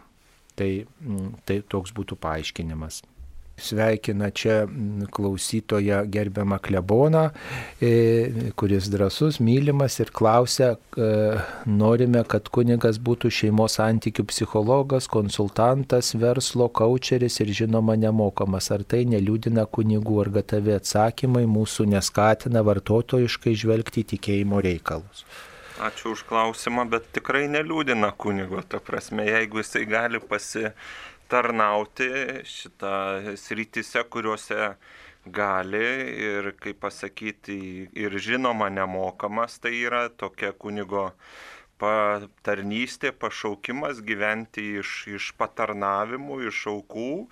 Iš tikrųjų nieko netrūksta, dėkojam Dievui, dėkojam žmonėm ir jeigu tu gali kažkokiu būdu pasitarnauti, tai nėra, nėra. Esminis dalykas kaip ir Dievo, dievo ateimas į pasaulį yra esminis dalykas, yra iš tikrųjų žmogaus gyvenimo keitimasis. Aišku, pagrindinis kunigo pašaukimas tai yra tame, kad žmogaus dvasinis gyvenimas keistusi, nes dažniausiai nuo šito priklauso visi kiti dalykai ir mūsų santykiai, ir mūsų darbai, ir mūsų, kaip pasakytas, santykis su savim, su Dievu Ir e, čia, kaip pasakyti, pagrindas yra dvasingumas. Jeigu, aišku, kažkuris kunigas išmano kažkokią tai sritį, ta prasme, gali, gali kažkurioje vietoje kažką patarti, viską, bet geriausiai visada pas tos ryties atstovus, kurie yra kurie geriausiai išmananti savo sritį, o kunigas iš tikrųjų yra atstovauja patį Dievą, patį Jėzų Kristų. Tai pagrindinis pašaukimas, kad tu esi laukiamas ir nesvarbu, ką tu padarėjai, ką tu prisidirbai, kaip tau nesiseka, ar tave pasaulis atstumia, ar tu visiškai nieko neturi, vis tiek tu esi mylimas ir laukiamas ir aišku, kaip visada, mylimas, laukiamas, kad tavo gyvenimas pasikeistų. Ir iš tikrųjų dėkojam Dievui už kunigystės malonę ir čia kažkokių didelių problemų nėra. Taip mums paskambino. Dalė iš Vilniaus. Taip, klauskite dalę. Garbėjai Zikrai. Per amžius. Aš norėjau ne taip paklausti, bet norėjau paliūdyti ir atsakyti į ankstesnius laidų uh, klausimus tokius, arba kai buvo kalbama apie auką Marijos radijai, tai aš tiesiog noriu paliūdyti ir pasidalinti, kaip tai veikia mūsų gyvenime. Ar galiu kelias minutės? Labai trumpai, jeigu galit, labai trumpai. Gerai, tai, žodžiu, kai mes su vyru atsivertėm ir pradėjom klausyti Marijos radiją ir per maratoną pirmą kartą išgirdom, kad, žodžiu, kad Marijos radijas taip pat yra reikalingas aukų, tam galėtų išgyventi, kad reikalinga aparatūrą palaikyti, kad tai kainuoja tūkstančius dešimtis tūkstančių per mėnesių ir mes supratom, kad taip, čia tikrai mes prisidėsim. Ir dabar kilo klausimas, kiek, kokią sumą mes galėtume prisidėti, paukoti. Ir girdim, kaip Liudas Mikalauskas liudija, kaip jis aukoja ir kiek aukoja Marijos radijai. Tai, žodžiu, jisai pasakė, kad jisai pasvarsto, kad maždaug paukosiu tiek, neskauda. Paukosiu tiek, neskauda. Nu va šitiek, nu va šitiek jau skauda. Tai mes lygiai to pačiu irgi pagalvojom, aukosim tiek, nu galim, nu va šitiek, nu jau truputį gaila, nu va tiek, nu jau gaila, nu va šitiek ir aukosim. Uh, ir žodžiu, ruošiamės uh, uh, mišiom sekmadienio ir, ir grįždami į aušos vartuose paukoti. Uh, ir girdim, Vaitiekauską nekalbina kažkokį kolegą verslininką, kuris sako, nu va taukokit Marijos radiją, nes iš tikrųjų Marija jums turi dovanų. Ir savo žmogiškų įpratimų aš jau galvoju, nu jau va čia žmogus persistengia, kokiu čia dovanų mes galim va taip imti ir gauti. Ir mes grįžtam po paukoja, žodžiu, po, po užėjom į uh, prekybos centrą ir ten buvo akcija geram prekybos ženklų įrankiam. uh, nuolaidą ir, žodžiu, mes nusiperkam, uh, prieinam prie kasos ir ten, nu, daug žmonių pirkosi to, to prekybos ženklo tų, tų įrankių. Ir, bet mums vieninteliams pardavėjas sako, o mes jums turim dovanų. Ir nueina ir atneša tokį didžiulį gražų skėtį.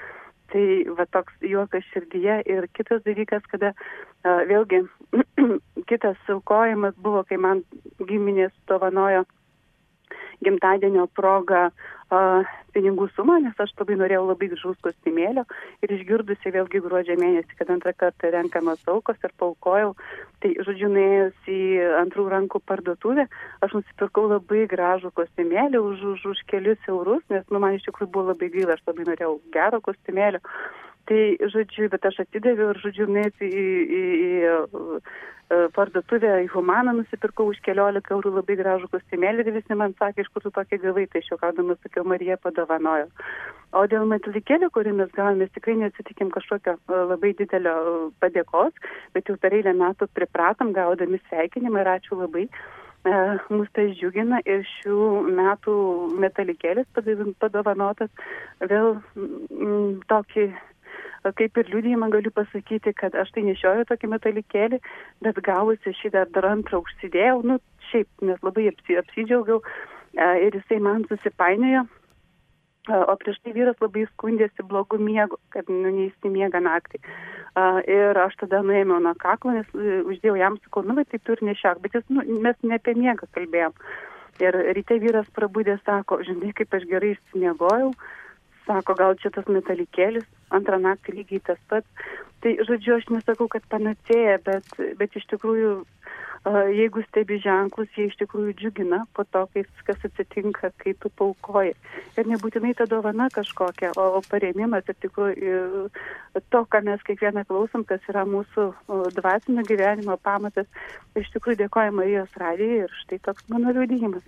Taip, ačiū už jūsų liūdėjimą, ačiū už gražius žodžius Marijos radijui. Taigi, kas norėtų paukoti e, Marijos radijo gyvavimui ir taip pat Marijos radijo naujo, naujo pastato koplyčios ir statybos, naujo pastato ir koplyčios ir studijų įrengimo darbams galite skambinti telefonu 1622. Keletą kartų galite skambinti, vienu metu galima paukoti 3 eurus vieno skambinimo metu, o taip pat galite atnešti auką į Marijos radio studiją Kaune arba Vilniuje, taip pat galite banko pavedimu mm, pervesti auką, jeigu mm, norite prisidėti prie Marijos radio gyvavimo, taip pat pašto perlaidą galima perduoti ir galima perduoti auką per patikimus žmonės, galima susiskambinti su Marijos radio redakcija ir taip pat galima, jeigu dirbate arba jūsų artimieji dirba, paprašyti, kad 1,2 gyventojų pajamų mokesčio dalį pervestų taip pat Marijos radijui, tai tiesiog šis būdas net ir nieko jums nekainuos. Taigi toliau bandom atsakyti į jūsų atsiustus klausimus, kodėl adoracijos būna naktimis. Na tai Jėzus kvietė, melskitės ir būdėkite ir pats jisai meldėsi naktimis ir naktis yra toks laikas, kada tos tamsybių jėgos tarsi suaktyvėja.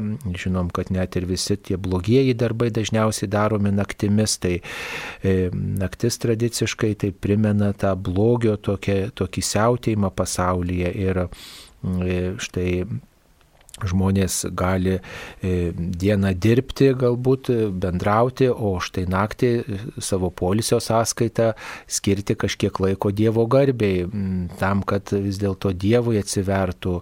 E, ir na, tokia yra labai sena tradicija būdėti naktį ir melstis dėl įvairiausių reikalų. Tai štai ir dėl to tos naktinės adoracijos būna, o per Marijos radiją jos transliuojamos tam, kad daugybė žmonių, kuriuos kamuoja nemiga, kurie susiduria su iššūkiu, iššūkiais, kurie tiesiog na, naktį kamuojami įvairiausių minčių, galėtų tokiu dvasiniu būdu jungtis į šitą, į šitą maldą. Tai tokia Marijos radio tradicija. Taip, ar yra prognozių apie trečiąjį popiežiaus vizitą Lietuvoje? Ne, prognozių nėra, nebent kunigė jūs, ką nors žinote, bet... E, neteko bendrauti, ne, negaliu pasakyti. Neteko bendrauti su popiežium pastaraisiais metais, tai nežinome, bet Dievas žino, galbūt ir sulauksime. Svarbiausia, kad mes suprastume ir duotume gražių vaisių nuo pirmojo ir antrojo popiežiaus apsilankimo Lietuvoje, kad įvertintume. Štai klausimas dar vienas, e, kaip suprasti apie šventųjų bendravimą. E, šventųjų bendravimas vėlgi yra e, toks kaip ir kreipinys ir buvo tikima, kad nu, kaip šventųjų bendravimas, kaip tikinčiųjų bendravimas. Tai būtent tas šventųjų bendravimas, o kas liečia kita to klausimo, ar yra e, hierarchija amžinybėje, tai tikrai yra pagal gėrį. Pirmiausiai, kiek kas gėrio kokio daro ir mes taip pat turim žodį garbinimas, e, kuris priklauso žodžiui pirmiausiai gėris. Tai yra, jeigu mes patiriam didelį gėrį ir labai dažnai žmogus galvoja, kad vat, nugarbinimas tai yra iš tam tikros prievartos, to kažkokio reiklumo, ne. Pirmiausiai tas garbinimas yra iš džiaugsmo ir iš patirto gėrio. Ir tavo širdis, tavo, kaip pasakyti, tavo gyvenimas, aš garbinu Dievą už tai, kad Jisai mane veda, už tai, kad Jisai dėkoju jam. Ir, pavyzdžiui, lygiai taip pat yra ar kažkokie vadovai labai gerbiami, ar viskupai, ar, ar popiežius, ar panašiai tai irgi ta pagarba yra iš dėl to, kad žmogus daro kažką gero ir aišku mūsų viso gėrio šaltinis ir didžiausias yra pirmiausiai Dievas ir tas garbinimas. Jisai yra, kaip pasakyti, ir, ir šventajame rašte ne, vieto, ne vienoje vietoje yra apie tam tikrą ir Jėzus sako, kas iš jūsų išsigeis ten būti pirmas, tegul nebus jūsų vergas. Ir kaip pasakyti, šitie dalykai vėlgi, kaip pasakyti, mes irgi galim žiūrėti labai paprastą dalyką. Jeigu mes, vat, pavyzdžiui, visada, jeigu kažkas tai norim kažkokią priimti paslaugą, mes visada norim, kad mus aptarnautų geriausias pardavėjas, mes norim visada geriausio gydytojo, mes norim visada geriausio kažko, kas daro, ne kas turi kažkokių titulų, ne kas turi kažkokių viską, ne, bet mes norim tas, kas daro didžiausią gėrį. Ir būtent, kaip pasakyti, jeigu mūsų ir toj mūsų žemiškoj plotmė ir taip pat amžinybės perspektyvai mes irgi taip pat norim, nu, kaip būtent tas Ir apaštalas Paulius sako, e, pirmaukite, lenktyniaukite gerumu vienas, ne kas aukščiau žemiau, apie tai yra nekalbama bet kad vat noriu padaryti geriau. Ir įsivaizduokime, jeigu mes kiekvieną dieną, kur ateitume į savo darbą, jūs į savo šeimas, į dar kažkur į tarnystę ir kiekvieną dieną tu pasakai, kad va aš noriu padaryti geresnę dieną savo vyrui, savo vaikams, savo ten kolegom. Ir va tas geriau, tą dvasinę plotmę ir, ir šventajam rašte irgi labai labai aiškiai yra sakoma, tai ir mes, kaip pasakyti, nenorim būti padugnės, Tai yra tie, kurie, kaip ir šventam rašte sako, nieko nedarė, jis tik pokiliavo, gerai gyveno ir nieko nedarė. Ir šventam rašte yra nesmerkiami tam tikri žmonės, bet smerkiama nuodėmė ir neveiklumas, neluomai. Ir būtent tas e, šventojo rašto svarstymas yra, kiek kas gero padarė, ne kokią poziciją užėmė, ne dar kažkas. Ir aišku, tai yra visai kitokia kategorija, kuri mums yra labai sudėtingai, kaip pasakyti, e, suprantama. Ir aišku, šventumas yra kiekvieno mūsų gyvenimo tikslas. Ir Vėlgi, jeigu žmogus eina kažkur paslydė žemai, jisai traukia žemai. Jeigu žmogus kažkaip tai meldžiasi, tiki Dievą, eina į bažnyčią, susilaiko, kažkaip tai sportuoja, dar kažkaip jisai tempia kitą žmogų į viršų. Tai čia irgi ta draugystė šventųjų bendravimas, ką mes ir šventųjų litaniją melžiamės, kad melžiame, kad jie mus įtrauktų į naują gyvenimo lygmenį, į gerą, ramų, džiaugsmo, meilės pilną gyvenimą. Taip, ačiū. Ar užtenka skaityti Naująjį Testamentą, nes Senojo neturiu? Net tai Naujasis Testamentas, ypač Evangelijos, yra išpildymas viso Senojo testamento, tai tikrai jeigu jūs skaitysite Evangelijas, tikrai tai yra labai jau daug. E, na, e, skaityti turbūt e, tiek, kiek galite, tiek skaitykite, ar užtenka, nu visada turbūt daugiau reikėtų. Senojo testamento skaitinius jūs girdite per šventasias mišes, skaitomus bent jau kai kuriuos. E, tai jau tai yra daug, o ką reiškia užtenka, žmonės tikriausiai buvo išganyti net ir neskaitydami šventojo rašto, bet tikėdami ir pagal tikėjimą gyvendami. E, bet tas pažinimas prasiplečia, ta Dievo meilė užsidega labiau. E, tai yra labai daug, jeigu jūs skaitote Naująjį Testamentą, bet pat, patartume ir Senąjį Testamentą skaityti ypač e, psalmes ir pranašų. Išminties patarlių, pranašų, koheleto yra nuostabios knygos, kurios įveda ir, ir kaip pasakyti, ir pranašų. Pradžios knyga labai daug irgi duoda. Taip, ačiū, mums paskambino. Rūta iš Šiaulių. Taip, Rūta klausia. Per amžius.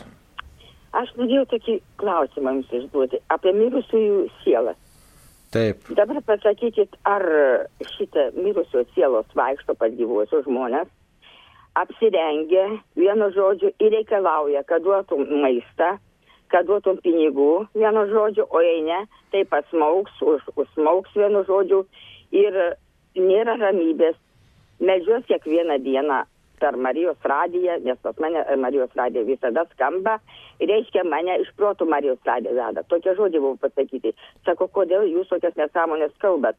Aš gerbiau mirusiuosius ir važiuoju visada pas tevelius viską. Ir dabar kažkokie iš kažkur atsiranda, reiškia, tau, tave terrorizuoja tiesiog. Sužinoju, kad čia man gydytojas skambina, aš medikė buvusi, save terrorizuoja, kad gydytojas paskambina, kad aš klausiu, kokius vaistus man gerti. Kadangi esu pensijai ir, ir jau nebedirbu. Gerą žmonėm dariau ir viską. Ir dabar man labai skauda širdį, kad e, gali kelti mano tėvelius iš, iš miego. Taip, supratom. Jūsų, jūsų situacija tikrai mirusieji negali, kada panorėję ateiti ir, ir prašyti, ir skambinti, ir, ir, ir kalbėti su jumis, tai tikrai jums reikėtų susisiekti su savo parapijos kunigu ir tikrai taip išsameu pasikalbėti, e, atlikti išpažinti, pasikalbėti savo gyvenimo istoriją, tikrai, taip sakant, kaip įmanoma įmanoma ar, ar namuose, ar per nuotolį telefonu, ar kaip čia eterija mes to negalime padaryti. Tikrai jums reikia nu, tiesiog, kad jūsų gyvenimo situacija ištirtų ir, ir pasikalbėtų. Galbūt tikrai yra ir piktojo tam tikros atakos, jeigu jūsų arti, e, artimaisiais prisistato kažkas mirusiais artimaisiais, tai tikrai na, reikia rimtos dvasinės pagalbos jums e, asmeniškai, bet ne eterio bangomis. Tiesiog gerai, kad jūs klausotės Marijos radio, gerai, kad melžiatės, bet reikia ir sakramentų švesti ir tikrai tokių dvasinio palydėjimų. E, taip. dar viena žinutė. E, na čia, kad eilėmis viešpačiui mm, širdį išlieja tikrai taip gali būti ir labai gražu, kad taip yra. Ir jeigu kas melžiatės eilėmis Dievui, tai tikrai nėra nei nukvakimas, nei dar kažkas, tai yra tokia asmeniška maldos išraiška. Taip, dabar 82 psalmė, šeštoji eilutė. Ir čia yra tokia ištrauka. Esate dievai, aš sakiau, jūs visi aukščiausiojo sūnus. Ką čia norėjo Dievas pasakyti? Dabar daug tarškėjimo apie antrąjį Jėzaus ateimą, plačiai skelbiama apie Babelės griuvimą ypač tai transliuoja protestantų bažnyčios ir Babelė sutapatinama su popiežiumi ir jo institucija. Ir čia yra tiesos. Taigi du klausimai. Vienas apie mm, e, aukščiausiojo sūnus. Esate dievai, ką mes galime pasakyti? E, šventojo rašto iš tikrųjų Dievo vaikai ir, ir, ir, ir čia jau gal tada komentarą jūs galite Pats Jėzus paaiškina šiuos žodžius, taigi įstatymas vadina dievais tuos, kuriems skirtas Dievo žodis. Ir raštas negali būti panaikintas. Ir nuoroda yra Jono 10 skyrių 34-35 eilutė. Dievo vaikai, dievai, vėlgi jeigu mes žiūrėtume, yra mažosiomis raidėmis parašyta, tai irgi yra tam tikras kreipimasis ir, kaip pasakyti, ir šventajame rašte, sako, aš jūs netarnais vadinu. Ir daug tų tokių, kaip pasakyti, jūs esate Dievo vaikai, dievai tai yra būtent tas santykis, kada šventajame rašte išryškinama, ta prasme, žmogaus santykis su Dievu ir žmogus tampa iš tikrųjų artimas Dievui, Dievo šeimos nariu, tai tada, kada jisai daro gerą ir tada, kada jisai gyvena gyvenimą. Ir mes matome iš ir dar drąsesnį Jėzaus pasakymą, kada jisai sako, tavęs laukia broliai, seseris, mama ir jisai sako, visi tie, kurie klauso ir vykdo Dievo valią, yra man ir brolis, ir sesuo, ir, ir mama. Ir iš tikrųjų toj, tose šalyse, ypatingai šiltuose kraštuose yra labai iš tikrųjų stipriai ta šeimos ryšys. Ir aišku, kaip pasakyti, nu, priartinama prie, prie būtent to ryšio su Dievu. Ir, ir apie, apie tą daugiau yra kalbama ir kaip pasakyti, kad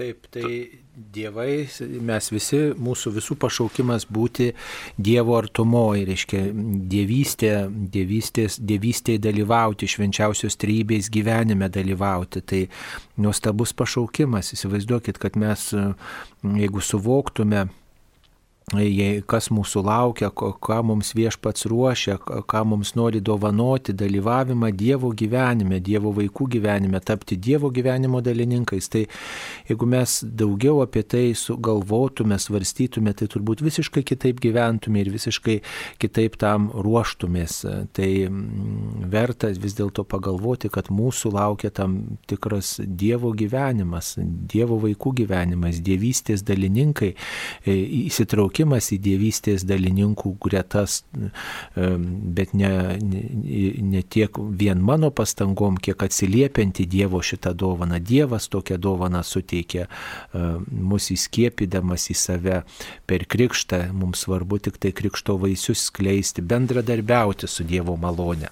O dabar štai apie Babelę, Tai mm, nereikėtų turbūt apsiriboti geografiją, kad čia apie popiežių, apie, apie popiežiaus institucijas, matot, blogis jis neturi adreso, jo yra visur apraiškų ir, ir, ir girdim, kad ir, ir, ir Vatikane pasitaiko, ir piknaudžiavimų įvairiausių, ir tarp atsakingų pareigūnų pasitaiko tarp aukštų pareigūnų įvairiausių klaidų, tai mm, blogio ženklų visur galime rasti, e, bet nereiškia, kad protestantai ir ten kažkas kiti, kurie varodo į, į, į kitus, į katalikus, į dar kažką, kad, kad jie yra balti. Tikrai čia neišeitis turbūt rodyti pirštus į kit, pirštų į kitus, kad kiti yra blogi. Svarbiausia pradėti nuo savęs galvoti, o ką aš galiu padaryti, kad mano gyvenime blogio būtų mažiau ir nepritaikyti vis dėlto pirmiausia e, kitiems, bet savo pritaikyti, pačiam atsiversti e, ir pačiam vis dėlto sugriauti tą babelės e, bokšto statymą, tą vis dėlto babelės gyvenimą. Aišku, dar vėlgi, jeigu čia yra turima tas pradžios knygos dešimto atrodo skyriaus, kur yra kalbama apie Babelio bokštą, tai vėlgi Babelio bokšto pagrindinis tikslas tai buvo irgi žmonių susivienimas gyventi be Dievo ir su savo tam tikra tvarka. Ir čia mes galėtume apskritai visada matyti tam tikrą ir, ir tam tikrų žmonių, ir, ir politinių sferų, ir kitų dalykų, kada iš tikrųjų norima ar įstatymai, ar kažkokie dalykai, ar kiti kad iš tikrųjų būtų ne tas, e, vėlgi visas įstatymas ateina iš prigimtinio įstatymo, iš dešimt Dievo įsakymų ir žmogus visada yra gundomas, e, ta prasme, va tuo Babelio bokštu, tai iš tikrųjų sukurti tą Dievo, kaip pasakyti, tą pasaulį be Dievo ir be tam tikrų moralės nuostatų, kam yra iš tikrųjų ir palikta bažnyčia ir kaip tas Dievo ženklas, Dievo balsas, kuris visada pasa, pasisako gyvybės klausimais, šeimos klausimais, žmogaus orumo klausimais. Tai būtent yra tam tikri įstatymai, tam tikra tvarka, kuri yra neliečiama. Ir e, tas Babelio bokšto kūrimas, tai iš tikrųjų, kaip mes dabar įsivaizduokime, yra daugybė šalių, kraštų, kurie iš tikrųjų gyvena tam tikroji darnoje, įstatymė ir visur. Ir yra kitur, kur iš tikrųjų siaučia tam tikras išnaudojimas, korupcija, skurdas ir taip toliau. Ir viskas te priklauso nuo vienintelio dalyko, nuo tvarkos. Ir iš tikrųjų tas labai gražus pradžios knygos pasakojimas, kada Dievas sumaišo kalbą, tai mes įsivaizduokime, jeigu, va, tarkim, visi pasaulio blogieji, kažkokie įtakingi ir panašiai, ir jie bandytų visą tą netvarką atnešti į visas šalis, į visas valstybės, į visus miestus. Tai būtent ta Babelio istorija, kuri kalba apie tai, kad, nu, Dievas netgi ir pasižiūrėkit, visi nusikalteliai, visi, kurie daro kažką blogą, dažniausiai susiskaldo. Jie ar išžudo vieni kitus, ar dar kiti dalykai, ar išskundžia, ar dar kažkas ir visada viskas sugriūna. Bažnyčia šiuo atveju jinai yra tas balsas, kuris tengiasi išsaugoti tą Dievo tvarką. Tai ten tas tapatinimas su, kaip ir kunigas Saulis sakė, vėlgi reikia atskirti pavienių žmonių tam tikras klaidas, tam tikrus dalykus ir kada pati struktūra, kuri eina už tam tikrą blogį ir prieš tam tikrą gėrį, kas nu, šventojo rašto kalbo yra labai stipriai akcentuoja ir ypatingai apie tą Babelio bokšto statybą kaip bandoma ar tam tikra tvarka, ar tam tikri įstatymai padaryti be, be meilės žmogui, be meilės gyvybei, be meilės šeimai. E, na čia turbūt tikriausiai turime galvoj e, prieiškimo knygos 14 skyriuje, 8 eilutėje, štai tokia žinia krito, krito didžioji Babelė, kuri savo paleistuvingo įniršio vynu apgirdė visas tautas. Na tai mm, reikia taip pat pasakyti, kad mm, Babelė graikiškai yra moteriškos e, moteriškos giminės. Babilonas Ir čia tam tikra tokia yra į Babiloną, į, reiškia, pagonių kraštą tam tikra aluzija ir į tą, į tą stabų garbinimą. Tai štai, na, visi žmonės savo gyvenime vienai par kitaip turi tą pagundą stabams tarnauti. Tai E, visiems reiktų turbūt e, daryti tokią reviziją savo gyvenime. Mums paskambino. Birutė iš Vilniaus. Tai Birutė klauskite. Tai Birutė jūs eteryje girdi Lietuva, klauskite. Taip, Birutė vėliau paklaus. Taip, na čia dažnai pasitaikantis klausimas Senajam testamente viešpats baudžiantis ir piktas, o Naujajam testamente Jėzus yra meilė ir Dievas Naujajam testamente tas pats viešpats iš Senojo testamento. Dievas visais laikais yra tas pats, tačiau žmonės prie jo skirtingai artėja ir per skirtingus ženklus jį supranta. Dievas ir Senajam testamente nėra baudžiantis ir piktas, o ir Naujajam testamente yra Jėzus ir piktų žodžių pasakęs, nėra tik tai glostęs visus pagal plauką, bet yra ir pasakęs angių išperos, ir netikinti giminė išsakęs tokius ir piktus žodžius. Valinti karstai. Taip, tai, tai, bet tai nereiškia, kad čia Dievas piktas, arba ten to žudynės reiškia, kad Dievas piktas. Tai um, daug gilesni dalykai, bet kad Dievas pakenčia žmogų ir siunčia jam išeiti visada, siunčia pagalbą, padeda išsivaduoti, tai yra meilė ženklas ženklas ir kad Dievas ištikimas ir kad Dievas nori prakalbinti žmogų, tai yra jo ištikimos meilės ženklai. Nereikėtų supriešinti Seno ir Naujo testamento Dievo.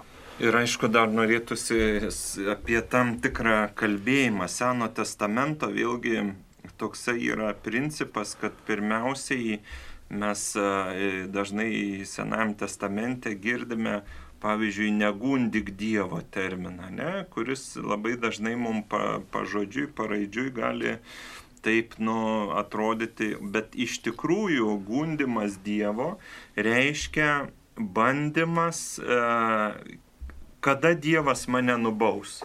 Ir aš, pavyzdžiui, jeigu paimu kažką blogo darbę darau, ar vagiu, ar panašiai ir taip toliau, Ir va čia pikto ir baudžiančio Dievo būtų toksai alegorija. Va tu ateini kažką tai pasiemi ne savo, nieko neatsitinka. Tada vėl kažką pasiemi ne savo, nieko neatsitinka. Pusę metų, metus. Tu vis paėmi ir tai skaitoma Dievo gundimu, kad vienu žodžiu tu gundai ir tu išgyvensi tą Dievo teisingumą.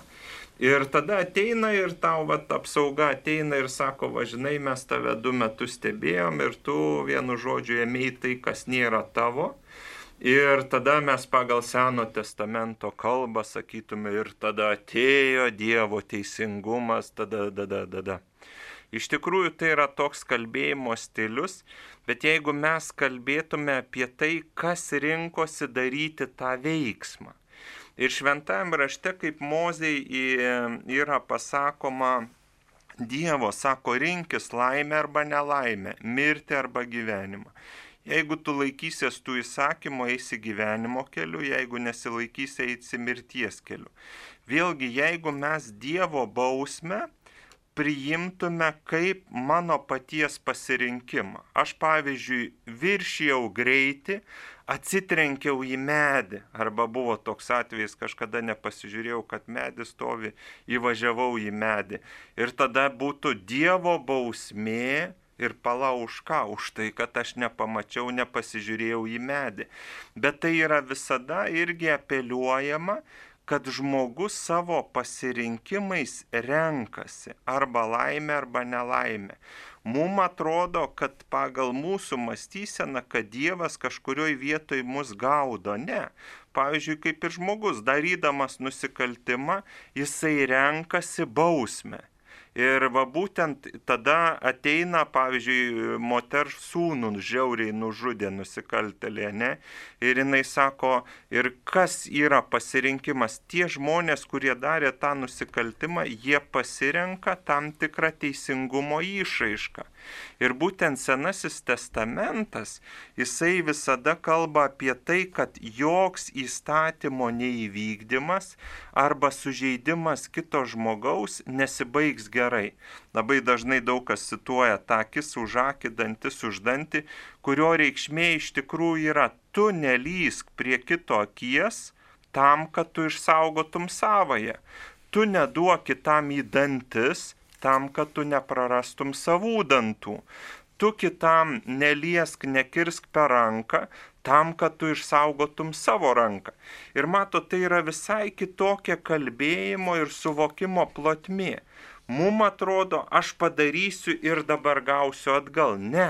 Senasis testamentas nori sakyti tai, kad tu iš viso neišeik iš moralės, iš doros, iš sandoros krypties, nes kitaip tau bus blogai. Bet tai nėra baudimas, tai yra apsaugojimas. Lygiai taip pat kaip ir tėvai neleidžia per gatvę eiti, neleidžia prie tvenkinio eiti, viską.